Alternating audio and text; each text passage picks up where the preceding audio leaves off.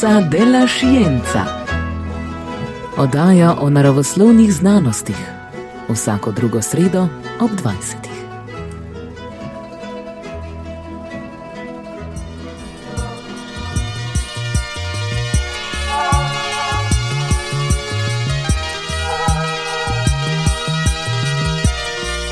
Odtenki prehrane, poletna šola biotehniške fakultete.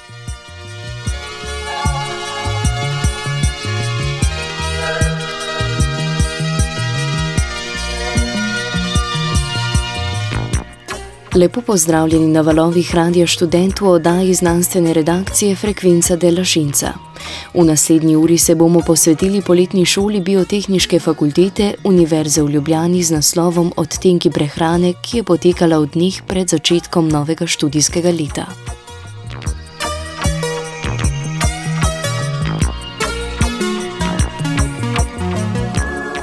Poletna šola se odvija vsakoletno. Namenjena je vedoželjnim študentkam in študentom, da bi jim omogočila brezplačen dodatni pogled v vsebine, ki so tekom študijskega kurikuluma zaradi pomankanja časa in preobilice ostalih obveznosti ostale nekoliko spregledane. Tekom letošnje poletne šole so se predavatelji in predavateljice podrobneje osredotočili na temo nutrigenetike, biotehnologije prehrane, nutriceutike, imunologije, klinične prehrane in dietetike. Glavni tematiki obravnavani v današnji oddaji bosta probiotiki in imunski sistem.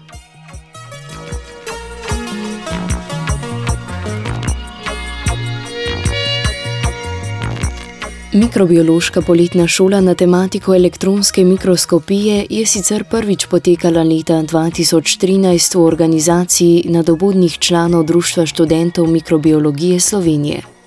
Ti so nase prevzeli celotno organizacijo iskanja in kontaktiranja gostujočih predavateljev ter iskanja sponzorskih sredstev. V nadaljnih letih je število prijavljenih naraščalo. Slednje je organizatorjem omogočilo vsakoletno organizacijo nadaljnih poletnih šol, kjer so razglabljali še o gensko spremenjenih organizmih, antibiotikih in cepivih. Ob 70-letnici biotehniške fakultete je leta 2017 poletna šola na tematiko raka prerasla okvirje in se preimenovala v poletno šolo biotehniške fakultete.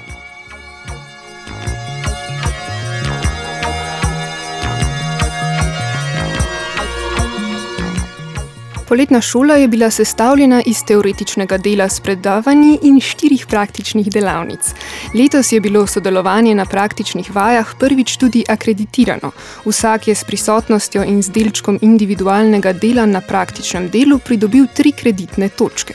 Najprej bomo predstavili praktične delavnice, kasneje pa se bomo osredotočili na teoretični del, ki prekriva temo probiotikov in imunosti.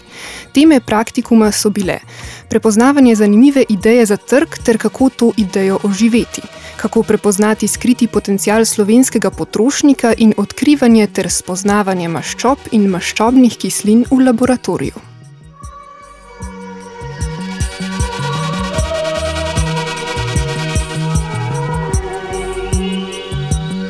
Namen praktičnega dela je bil spoznati spletno urodje za načrtovanje in vrednotenje prehrane OPKP. To je odprta platforma za klinično prehrano, njene prednosti in pomankljivosti. V bazi najdemo različna živila in obroke ter oceno njihove energijske in hranilne vrednosti za lažje spremljanje prehranskega dnevnika. Prehranski dnevnik je podroben zapis vse zaužite hrane in tekočine v danem časovnem obdobju. Iz tega je sledil tudi naslov tridnevnih praktičnih vaj, ki se je glasil: Praktična uporaba kemijske analize in spletnega urodja OPKP za vrednotenje prehrane.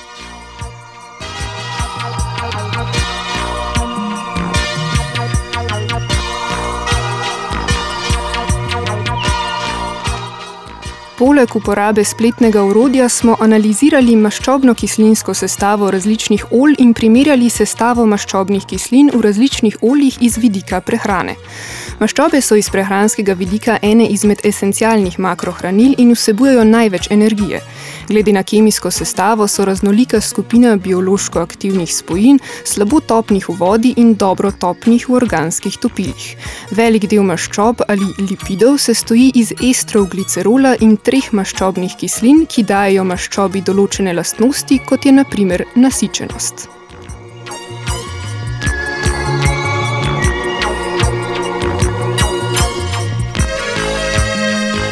Pod nasičene maščobne kisline štejemo tiste, ki imajo v verigi kemijske strukture vse vezi enojne, pod nenasičene pa tiste, ki imajo eno ali več dvojnih vezi.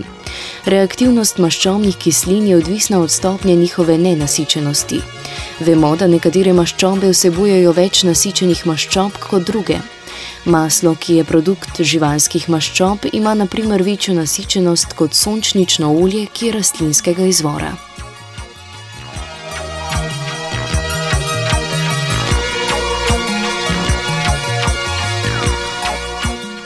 Na praktičnih vajah smo spoznali tudi namen, prednosti in pomankljivosti uporabe bioimpedančne tehtnice. Gre za tehtnico, ki poleg tega, da meri maso, v telo pošilja električni signal določene frekvence in meri upornost tega signala s pomočjo znanih električnih upornosti različnih tkiv v telesu. Tako ima naprimer maščoba visoko upornost, mišična masa pa nizko upornost, saj se stoji predvsem iz elektrolitov in tekočin. Na ta način lahko pridobimo končen rezultat razmerja med maščobnim in mišičnim tkivom. Omenjena tehnologija se uporablja za okvirno oceno telesne sestave posameznika.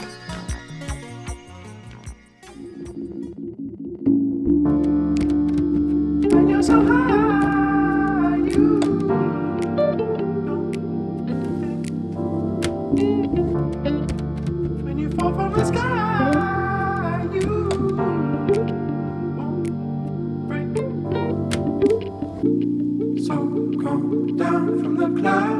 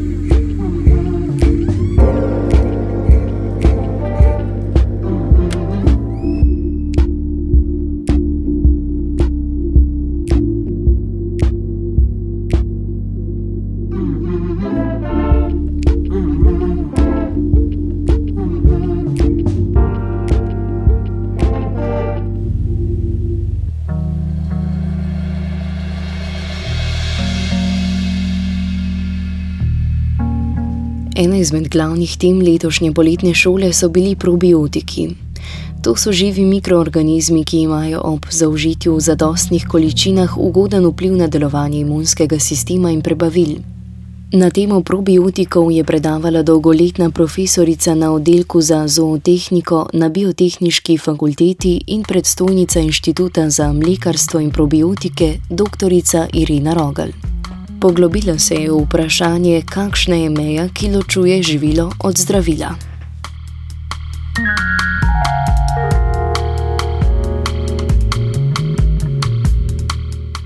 Zgodovina probiotikov sega še v obdobje Rimljanov, ki so za zdravljenje prebavnih težav pili fermentirano mleko. Prve zapise o zdravilnih učinkih fermentiranih mlečnih izdelkov so našli v knjigah rimskega govorca, pisatelja in politika Plinija. Fermentirano mleko je omenjeno tudi v stari zavezi, v kateri se Abraham za svojo dolgoživost zahvaljuje omenjenemu napitku.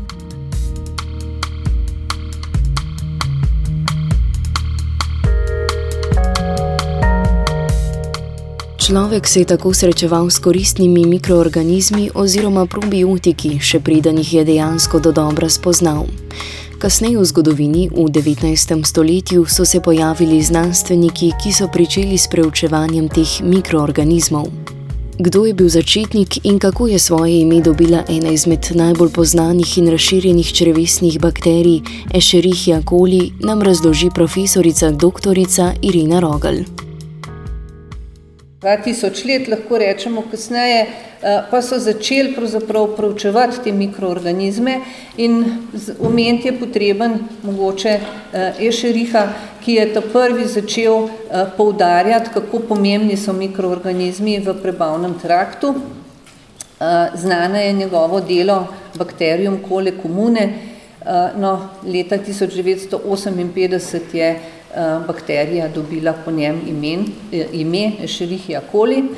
Eh, zelo znano pa je tudi njegovo delo, v katerem razlaga o fiziologiji prebave pravzaprav črvesne bakterije dojenčka in njihova povezava s fiziologijo prebave.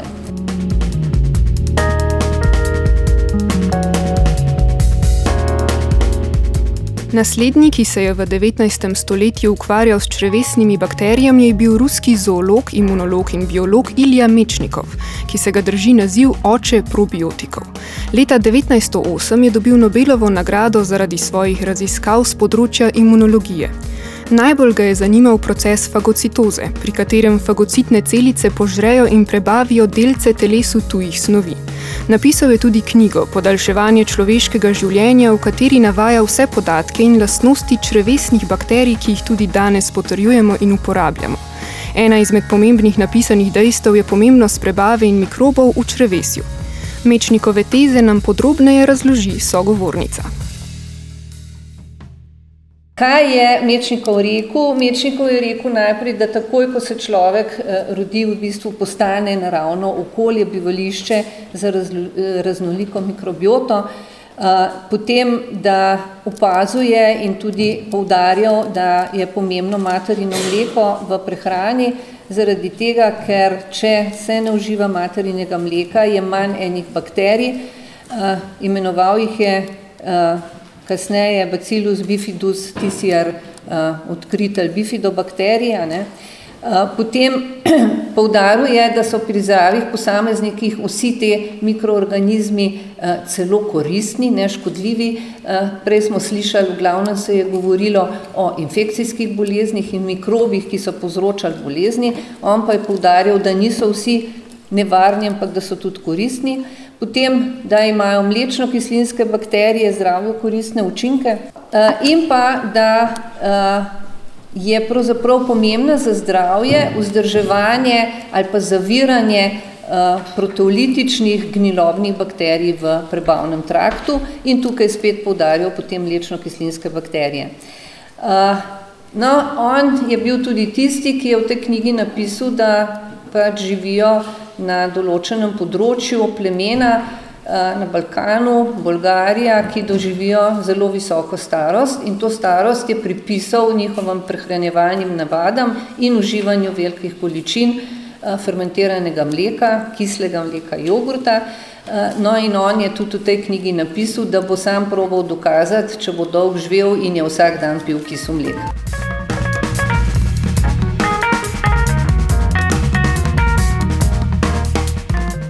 Omenimo še Henrija Tisierja, ki je odkril bakterije rodu Bifidobacterium in opazil, da dojenčki, ki so bili dojeni le kratek čas, zbolevajo pogosteje in imajo v blatu zelo malo koristnih bakterij.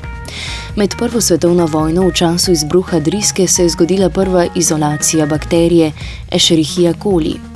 Določeni sevi E. coli so patogeni in lahko povzročajo med drugim tudi drisko. Znana pa je tudi po svojem protimikrobnem učinkovanju proti bakterijskima rodovoma Salmonella in Shigella. Shigella pri človeku povzroča dizenterijo, nalezljivo črevesno bolezen s krči v trebuhu in drisko, Salmonella pa gastroenteritis oziroma unetje črevesja.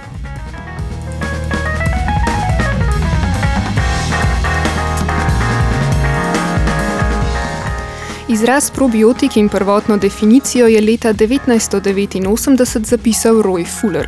Več o tem Rogel. Izraz probiotik se je pojavil precej kasneje.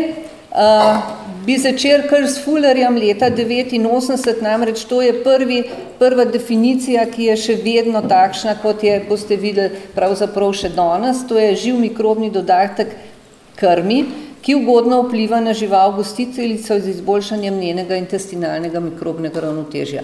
Vidimo, da se je začela ta uh, zgodba pri živalih in to je bilo obdobje, ko se je začel prepovedovati uh, dodajanje antibiotikov v krmo, vodo rejnih živali.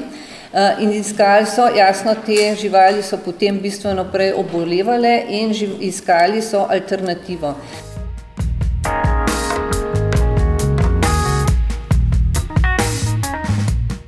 Poleg definicije nam Irina Rogel zaupa še anegdoto povezano z ljubljanskimi mlekarnami. Včasih je bilo tako, da so iz Ljubljanske mlekar, v Ljubljansko mlekarno hodili iz Ihana, iz prašičje farme, ko so dobili tam mali pujski drisko, to je pri prašičjih zelo pogosto, so leteli v Ljubljansko mlekarno in ko so spravili sta zadnjo vodo, tisto jogurt ven, najprej se spere jogurt ven iz cevja, so tisto peljali, nesli pujsem in so imeli to v bistvu tako kot eno zdravilo. Uh, prav radi so tisto uživali, na ta način so preprečevali širjenje uh, drisk.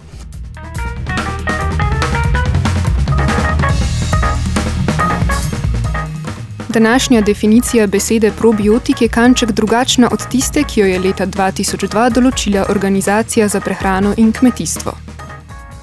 Definicija, ki še vedno velja, se bo pa verjetno mečkan vsem spremenila v prihodnje, saj tako kaže, je bila postavljena leta 2002, da, so, da je to živ mikrobni, da so živi mikroorganizmi, ki, ko jih zaužijemo v zadostni količini, koristijo zdravju gostitelja.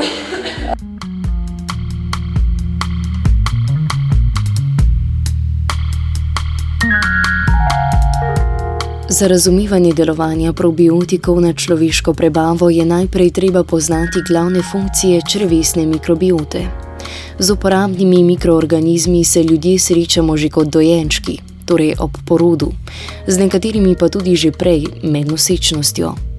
Bakterije naselijo črevesje otroka in so tako imenovane učiteljice imunskega sistema, saj pripravijo otroka na zaščito pred okužbo.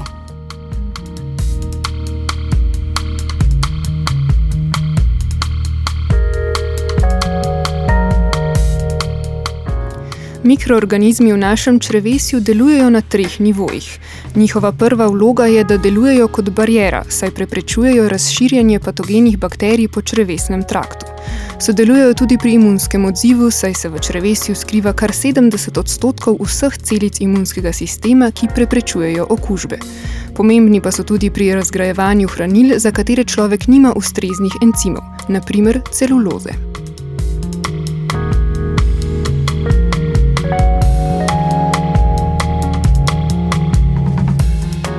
Vrsto let so bile raziskave probiotikov usmerjene v proučevanje njihovih učinkov v prebavnem traktu, predvsem črevesju.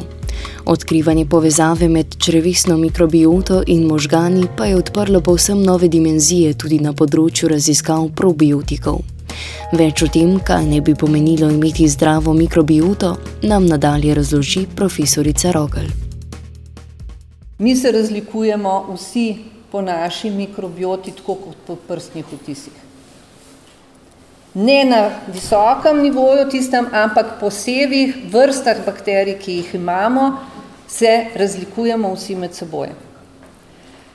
In zato govorimo največkrat, primerjamo zdravo mikrobioto z ravnotežjem ekološkim, se pravi, To je takrat, kadar se naša mikrobiota lahko uspešno upira zunanjim pritiskom in če pride do porušenja, recimo terapija z antibiotiki, da se lahko čim prej povrne v prejšnje ravnotežno stanje.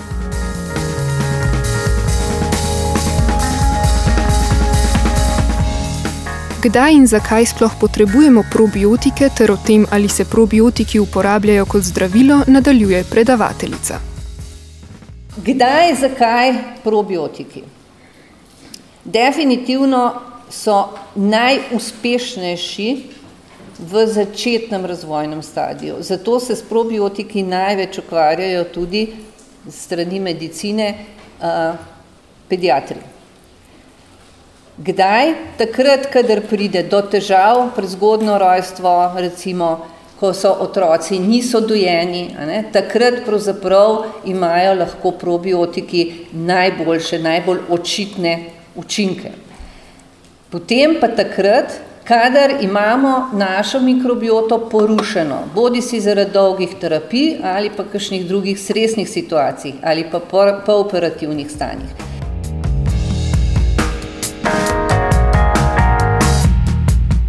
V naslednji izjavi nam Rongel odgovori na vprašanje, ali sta rodova mlečno-kislinskih bakterij Lactobacillus in Bifidobacterium, torej bakterij, ki fermentirajo sladkorje v mlečno kislino, najprimernejša za probiotike.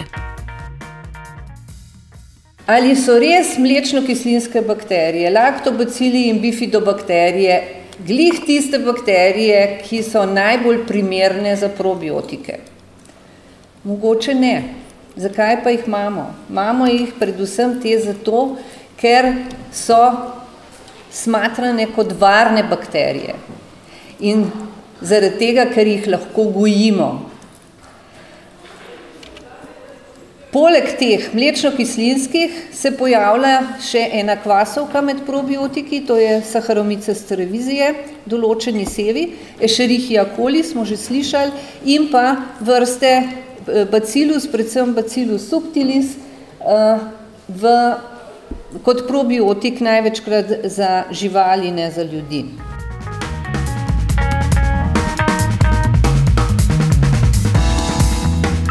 V Sloveniji najbolj znano probiotično zdravilo proizvaja podjetje Lek. Kapsule Linex in Linex Forte, ki so okarakterizirane kot zdravila brez recepta in vsebujejo 2 milijardi kolonijskih enot živih bakterij. Probiotiki se sicer prodajajo v obliki praškov, kapsul ali fermentiranih izdelkov, naprimer kot kefir, jogurt ali kislo mleko. Več o tem pove sogovornica. V prehranskih dopolnilih ali pa v OTC zdravilu se nahajajo isti sevi bakterij kot v, v jogurtu. S tem, da na jogurt ne sme se nič napisati, zaradi tega, ker to ni dovoljeno.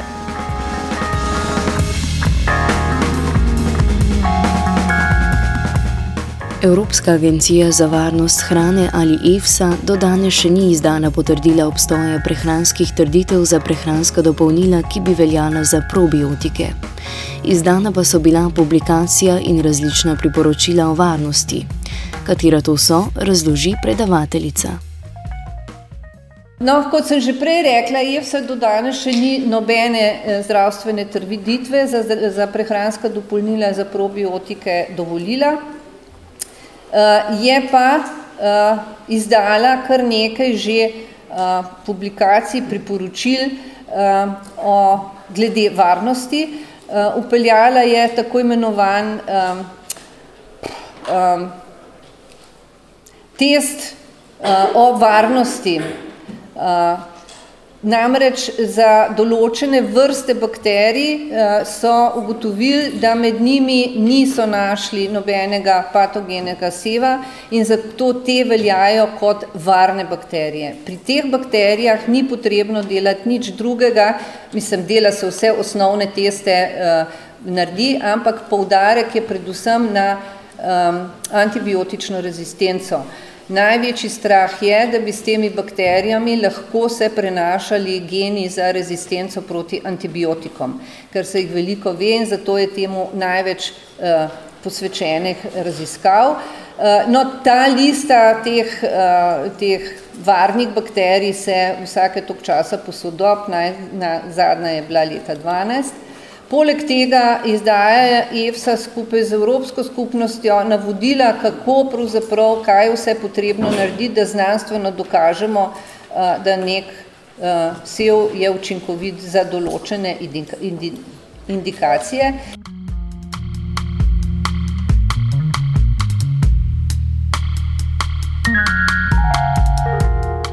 Ustanavlja se tudi ločen kodeks alimentarius za probiotike. Kodeks alimentarius je zbirka pravno neobvezujočih mednarodnih standardov za živila, smernic, priporočil in dobrih praks, namenjenih pridelovalcem in predelovalcem hrane, državnim organom ter potrošnikom. Prvotno je bila komisija Codex Alimentarius, ki predstavlja skupni organ Organizacije za prehrano in kmetijstvo ter Svetovne zdravstvene organizacije, ustanovljena leta 1963 z namenom oblikovanja mednarodnih standardov za varnost in kakovost hrane. Ti standardi so uveljavljeni na področju Svetovne trgovinske organizacije kot mednarodna merila za varnost živil so minimalni standardi, ki jim morajo ustrezati živila, da je zagotovljena ustrezna raven varovanja zdravja ljudi in interesov potrošnikov ob upoštevanju raznolikosti pri preskrbi s hrano na svetovnem trgu.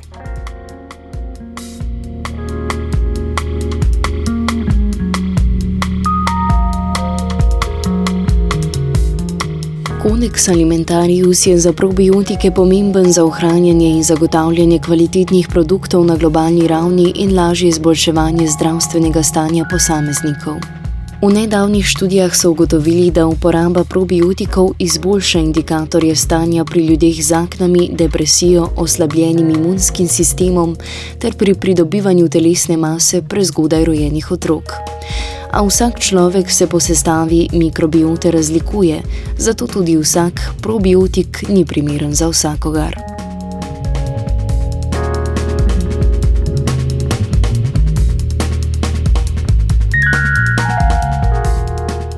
Ker se svet bliskovito razvija naprej, se tudi pri probiotikih pojavlja vse več aktualnih trendov. Kateri to so, razloži sogovornica.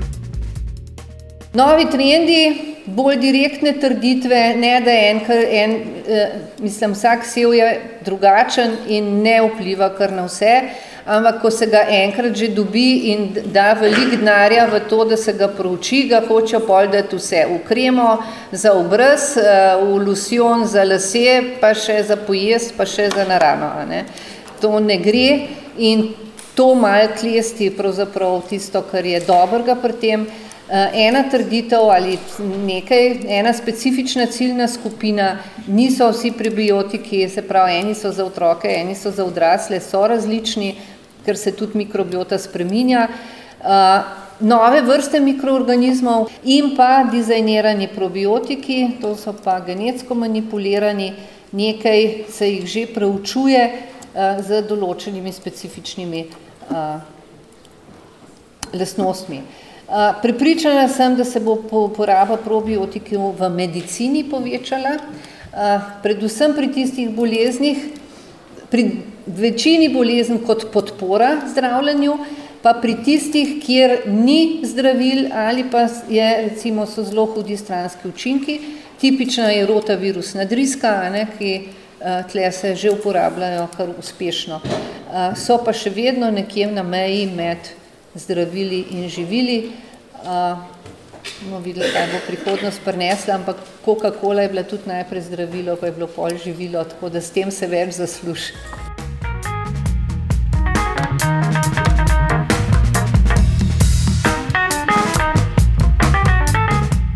Po krajšem glasbenem premoru bomo iz mikrobiote prešli na temo imunskega sistema, ki je v zimskih časih najbolj na udaru. Ostanite na frekvenci 89,3 MHz.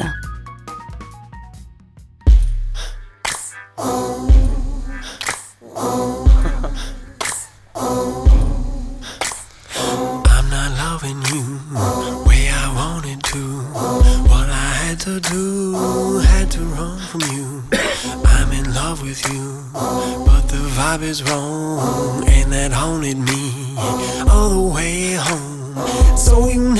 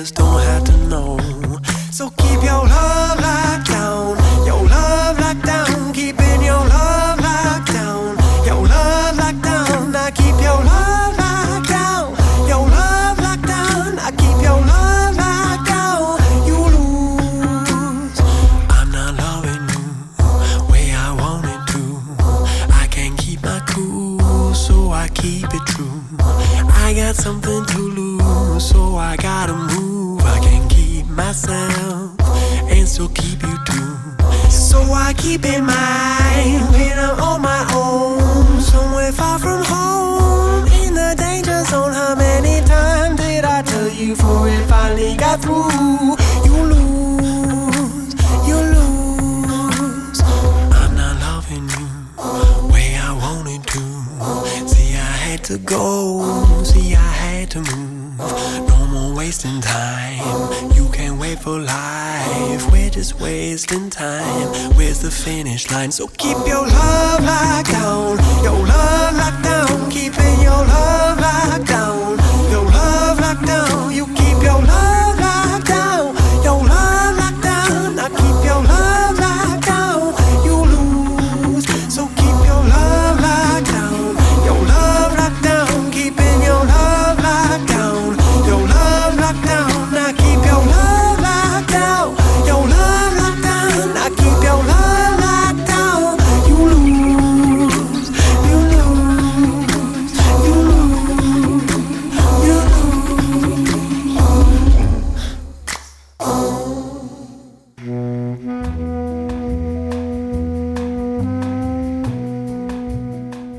Pozdravljeni v znanstveni oddaji Frekvenca Delašinca Radia Študent, v kateri skušamo strniti nekaj najzanimivejših tem z letošnje poletne šole Biotehniške fakultete z naslovom Odtenki prehrane.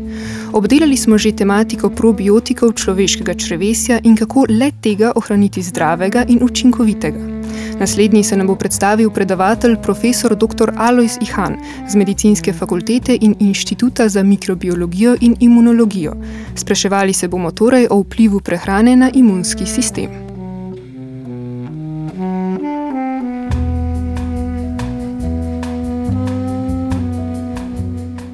Skupek celic in organov, ki odstranjuje tujke iz našega telesa, ima pomembno nalogo, saj mora najprej zaznati, kaj spada k našemu telesu in kaj v našem telesu predstavlja tujek. Ta skupek imenujemo imunski sistem. Natančnejše odločitve sprejemajo imunske celice, med katere štejemo makrofage in limfocite. Imunski sistem se mora odločiti, kaj od tujega je potrebno odstraniti, ker je nevarno in česa se ne sme odstraniti, saj bi napad povzročil več škode kot pa koristi.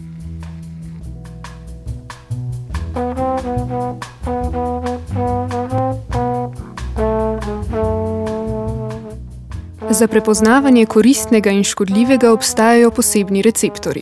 O tem, kaj se zgodi, ko celice prepoznajo razliko med koristnim in škodljivim, nam podrobneje razloži profesor Ihan. Ko pa enkrat tuje prepoznamo, pa imamo ene celice, makrofage, ki so v tkivih in te celice so pravzaprav procesori odločitve, ali je tujk, ki se ga prepozna, potrebno odstraniti, to pomeni narediti unetje in sprožiti mehanizme, ki uničujejo tujk, ali pa je treba tujk pustiti uh, ne, nenapaden uh, tam, kjer pač je. O tem, kako ločimo imunsko pogojene bolezni, nadaljuje Ihan. Pri imunsko pogojenih boleznih uh, torej načeloma ločimo štiri velike skupine. Eno, en, ena skupina je tista, kjer imunski sistem ne dela, kar opazimo po tem, da ne opravlja tiste funkcije, ki jo mora opravljati, to je obrambo pred mikrobi.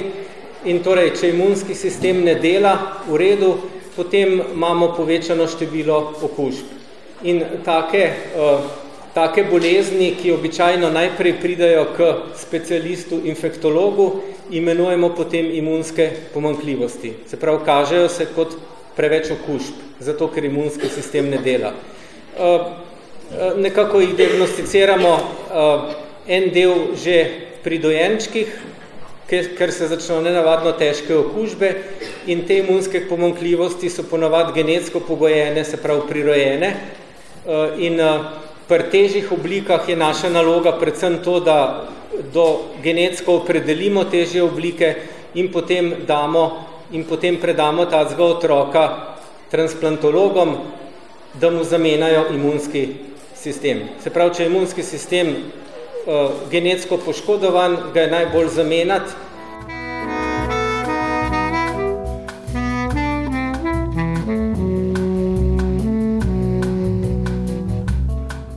Drugo skupino imunsko pogojenih bolezni predstavljajo avtoimunske bolezni.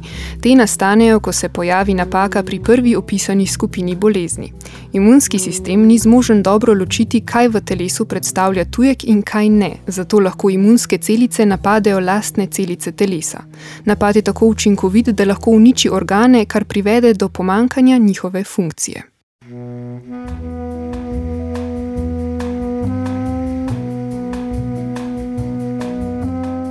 Tretjo skupino predstavljajo preobčutljivosti, ki so najbolj razširjene na področju prehrane. Za človeka je hrana primarno tujek, saj telo na ni primarno navajeno. Kaj so preobčutljivosti, razloži sogovornik. Če pa neka snov povzroči samo pri malem delu populacije uh, vnetje, zaradi tega to je definicija nepričakovanosti, Potem uh, je to en pogoj za preobčutljivost, uh, drugi pogoj, da se nam zdi, da je nekaj, da nek, nečemu lahko rečemo preobčutljivost, je pa reproducibilnost. Torej, pri tistemu, ki mu ena snov, recimo ena hrana, jabolko, povzroči uh, unetje, naprimer izpuščaje, uh, Takih ljudi je zelo malo v populaciji, ampak če tismu človeku, ki, ki je enkrat dubo izpuščaja po jabolku, damo še enkrat jabolko, bo v primeru preobčutljivosti spet dubo izpuščaje, kar pomeni, da se to pri tistih ljudeh ponavlja. In če torej ugotovite fenomen, da je nekaj pri malem deležu ljudi uh, in da se pri njih ponavlja, potem pri takem uh, se merno reče, ta je pa preobčutljiv na nekaj.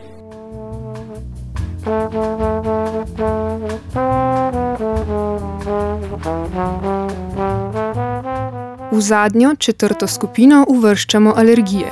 V primerjavi s preobčutljivostjo alergije prizadanejo večje število ljudi, saj so odziv imunskega sistema in za njihovo potrditev potrebujemo teste. Imunski odziv se stoji iz več faz. Osrednje celice imunskega odziva so makrofagi, pomagajo pa jim limfociti. Njihove lastnosti, delovanje in medsebojni odnos opiše profesor Han.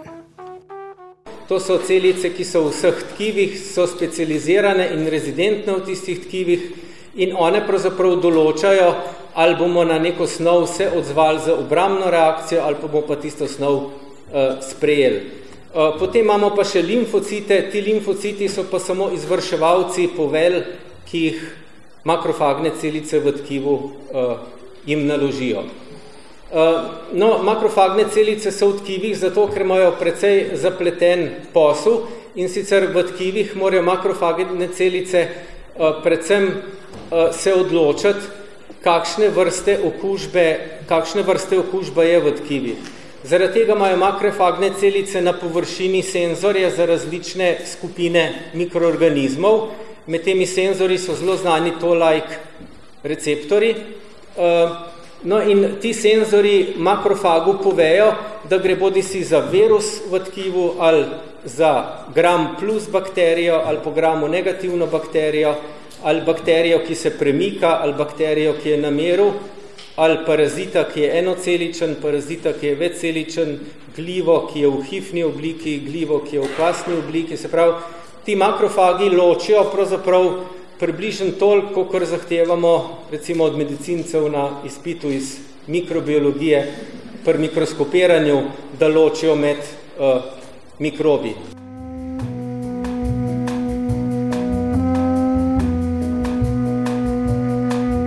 Produkt imunskega telesa so tudi protitelesa, ki jih uvrščamo v več razredov, saj je vsako protitelo specializirano za določen tip mikroorganizma. Za obrambo pred paraziti poznamo protitelesa IgE, ki igrajo pomembno vlogo pri nastanku alergijskega odziva. Poznamo štiri tipe preobčutljivostnih uneti. Prvo izmed njih je unetje povzročeno strani parazitov.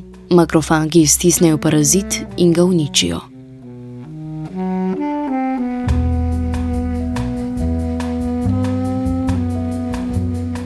Samo prva vrsta makrofagov skrbi za vzgajanje tolerantnosti imunskih celic. Ko prvič zaužijemo določeno živilo, se črevesne celice prilagodijo nanj in doživijo v telesu poseben sprejem, da ne pride do vnetja. Naslednjič, ko zaužijemo to isto živilo, je tako, kot da bi bili cepljeni za toleranco. Lahko pa se zgodi, da se živilo znajde pri drugi vrsti makrofagov, kjer pride do težav. To so pogosto pripeti pri nezrelem črevesju, naprimer pri dojenčkih. Telo misli, da je hrana patogena oziroma škodljiva bakterija, zato se odloči ta tujek napasti. Tako lahko pride do preobčutljivosti in alergij.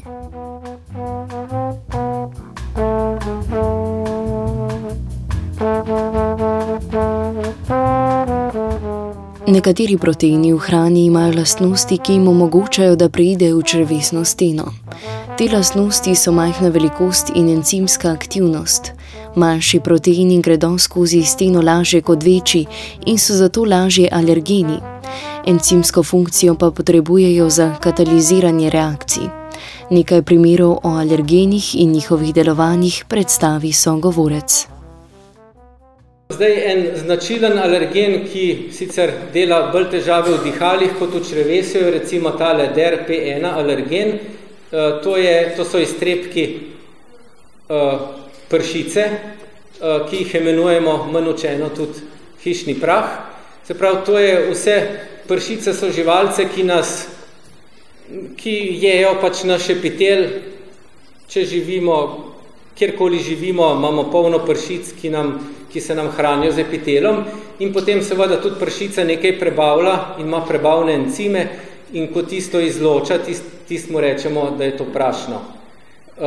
In ta, te iztrebke pršice seveda vdihavamo in ko ti iztrebki z vsemi enci, prebavnimi encimi pridejo na naša dihala, potem lahko prebijajo tesne stike, pridejo do makrofagov in makrofagi se lahko odločijo, da je to parazit v najslabšem primeru in naredijo IgE odziv na uh, to pršico. Uh, Zdaj, podobno je recimo cveten prah.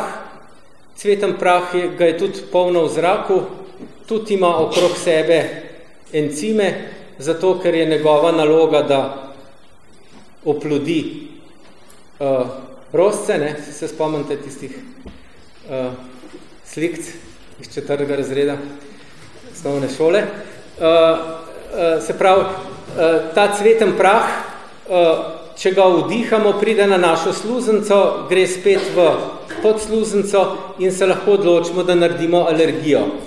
Eh, zdaj, eh, zakaj pa vsi ljudje ne naredijo take alergije? Eh, zato, ker imamo ljudje zelo različne sluzence. Nekateri imajo tanke sluzence, malo sluzi in taki ljudje so bolj nagnjeni k alergijam. Ljudje, ki imajo debele sluzence, genetsko močne tesne stike, veliko sluzi, niso v stresu in zaradi tega jim sluzne žleze dobro delujejo, tisti imajo manj možnosti, da bodo uh, dobili, uh, da bodo njihovi makrofagi sploh prišli na preizkušnjo, da se odločajo.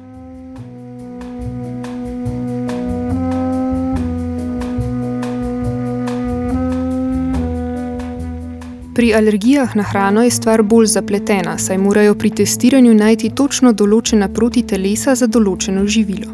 Prav tako je hrana zelo kompleksen pojem, zato so ti testi manj zanesljivi kot testi za dihala.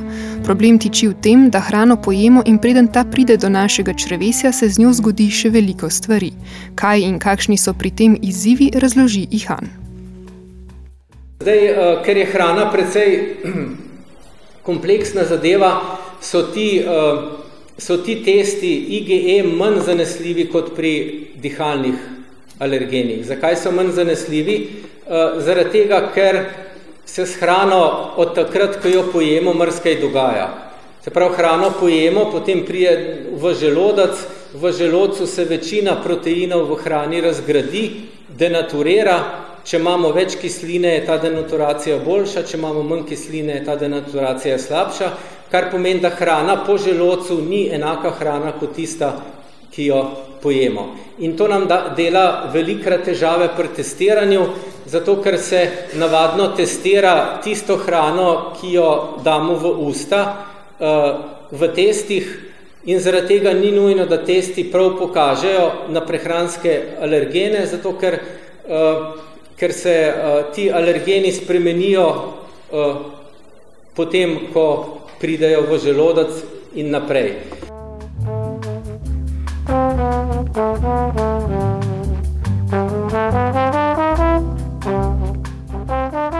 Čas namenjen današnji oddaji se je žal začel počasi iztekati. Kot smo tekom oddaje večkrat skušali orisati, je poletna šola biotehniške fakultete tudi v letošnji ediciji postregla z izredno bogatim in pestrim programom.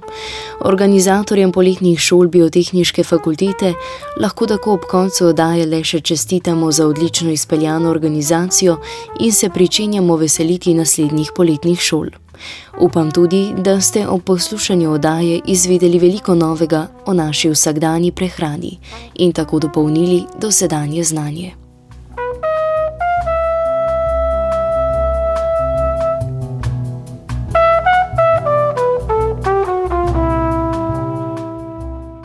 Oddajo sem pripravila vajenka Jana, uvajala je Nataša, urednikoval je Arne, brali sva Špela in Jana, tehniciral je Luka.